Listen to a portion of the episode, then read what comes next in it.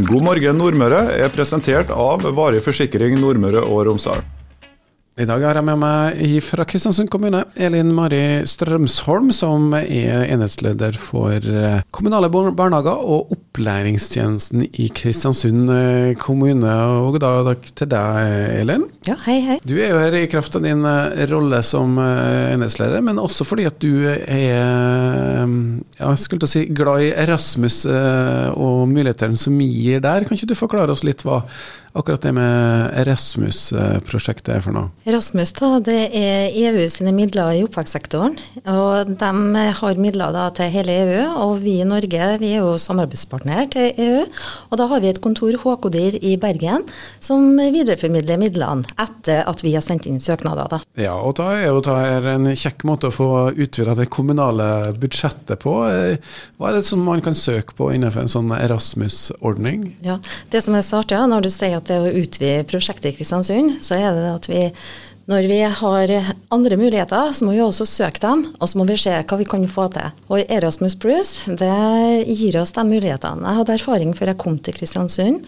Jeg kom hit 1.1.2020, og før den tid så hadde jeg sendt inn flere søknader på Erasmus Plus.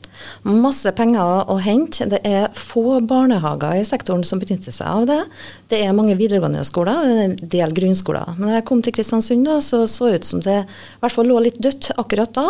Og jeg hadde interessante medarbeidere som sa at dette her må vi prøve å få til. Og da ble det slik at vi prøvde. Jeg fikk tips om at her var det penger å hente. og jeg eh, sa at nå er jeg ny i jobben, hvordan skal jeg få til det her da? Og da fikk jeg høre at nei, vet du, vi er så heldig, det er tekniske problemer i Europa, det blir utsatt søknadsfrist. Kom igjen, søk.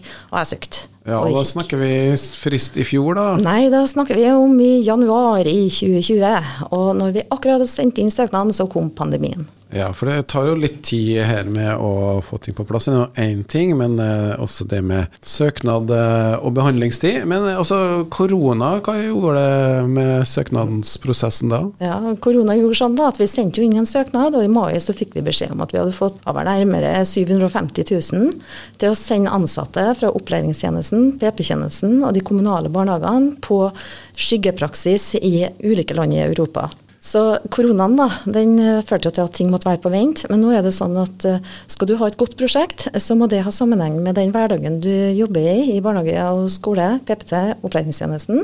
Så vi fortsatte med de endringene som vi hadde tenkt å gjennomføre, og så venta vi bare med denne skyggepraksisen. Ja, for det, det handler om eh, rett og slett kontakt på tvers av eh, Europas grenser. Det er jo derfor det er satt opp der, slik at man kan dra og besøke hverandre og lære av hverandre. Det er det som er målet? Ja, målet er å få til en, bedre, en bedre kvalitet for de ungene som er brukerne våre. Det er jo dem vi gjør alt for. Vi reiser til land som kan gi oss noe mer kunnskap. noe Eh, forskningsbasert kunnskap som vi kan bygge videre kvaliteten vår på. Og da valgte vi ut land. Eh, vi valgte å ferde til Polen i fjor og til Finland. Og noen av uka her så er det en gruppe på elleve personer som er i Sverige.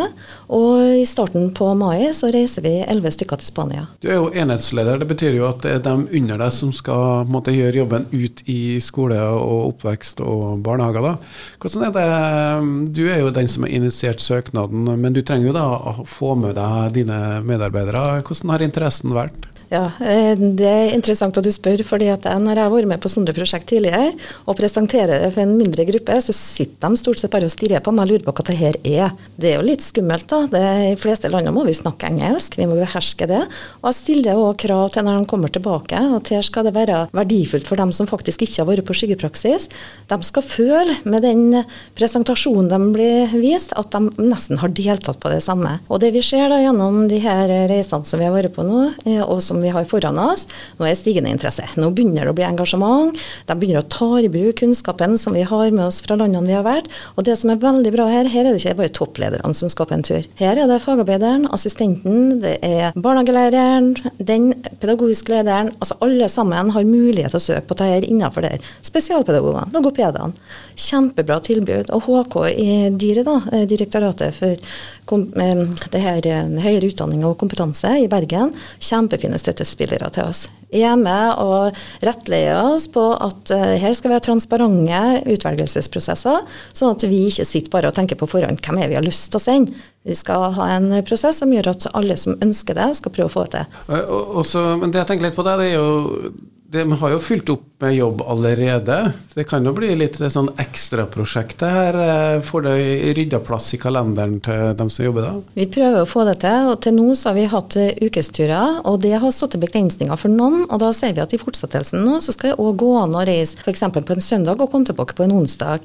Da gir det større muligheter. For vi må tenke det her er inkludering. Det er inkludering som tema når det gjelder unger, men det er også inkludering for arbeidstakerne. Ja, men Lærere og de har jo en skolehverdag som de må ha ved siden av? Ja, det har de. Og da finner de egne ordninger på skolen sin. Hvordan kan vi gjøre det her uten at det skal koste oss for mye? Det skal prøve å gjøres innenfor det budsjettet vi har til rådighet. Er det noen spesielle tema som eh, det har vært en del av eh, denne eh, runden her nå? Det er vel En ting er selve praktiske skyggepraksis, men er det noen spesielle ting man kikker på? Ja. Læringsmiljø og inkludering. Vi er jo med i Nettverk Nordmøre, og vi har jo felles tema på det her, og satser nå veldig på å speile oss sjøl. Hvordan er vi som, altså alle pedagogene som er ute og jobber direkte med ungene, hvordan kan vi gjøre læringsmiljøet bedre? Det er veldig lett å si at når en unge er urolig, da, så er det barnets, det, det er problemet hos barnet. Men vi kan vende speilet mot oss sjøl og se hva er det vi legger opp undervisninga. Jeg er tilhenger av å bryte mønster, tenke nytt, utradisjonelt. Men det er jo da eh, ut å lære andre kulturer, for det er mange måter å gjøre det på, er det ikke? Det er mange måter å gjøre det på.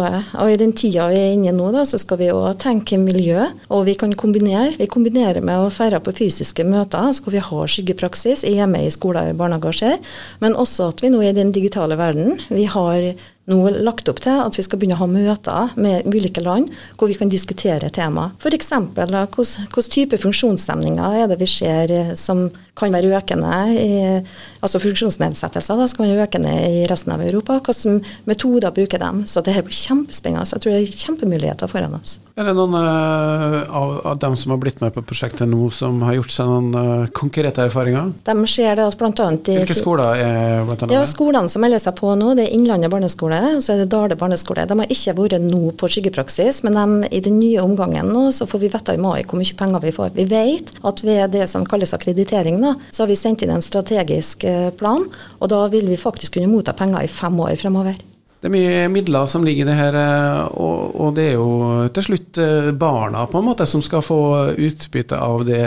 Hvordan merker dere det på den måten? Jo, Vi så jo da hvordan de, hvordan metodikk de brukte i forhold til ungene. Og helt konkret så kan jeg si sånn at det med soving Vi i Norge vi har tenkt at ja, det er de yngste ungene, de her ett-til-toåringene, som trenger å sove, og ikke de større. Men når vi ser hvilken verden vi lever i i dag, da, med alle inntrykkene ungene har, så har eh, både Polen og Finland tatt det inn over seg. Der har de soving, hviling for de største ungene. Det betyr seksåringene. De hviler. Så de får seg en liten pust i bakken. Og, mm. Men det trenger vi kanskje vi voksne òg? Vi trenger det. Og når vi tenker på at vi har behov for det, så har de behov for det de minste. Så det var det med hviling. Og så så vi metodikk de kunne bruke i forhold til unger som har et kjempeenergibehov, da, som er urolig. Det så vi at I Finland så hadde de noen puter de satt på som gjorde at de stimulertes til å sitte i ro. Og jeg satt og tenkte at oi, den ungen her, når økta er over nå, så kommer han til å reise opp og gå og gjøre noe eh, annen aktivitet. Nei, det førte til at han ville ha en ny bordaktivitet, da, fordi at han kjente at alt var på plass. Så jeg tenker at her, ved å se hva de andre gjør, så kan vi gjøre en bedre hverdag for de enkeltungene. Det er jo kjernen i det å utveksle erfaringer med resten av Europa. Og det fortalte Elin Mari Strømsholm, som er da enhetsleder for kommunale barnehager og opplæringstjenesten i Kristiansund kommune. Hør på God morgen Nordmøre hver dag fra sju til ni med Charles Williamsen. Lette nyheter, fine folk i studio og god musikk. Presentert av Varig forsikring Nordmøre og Romsdal.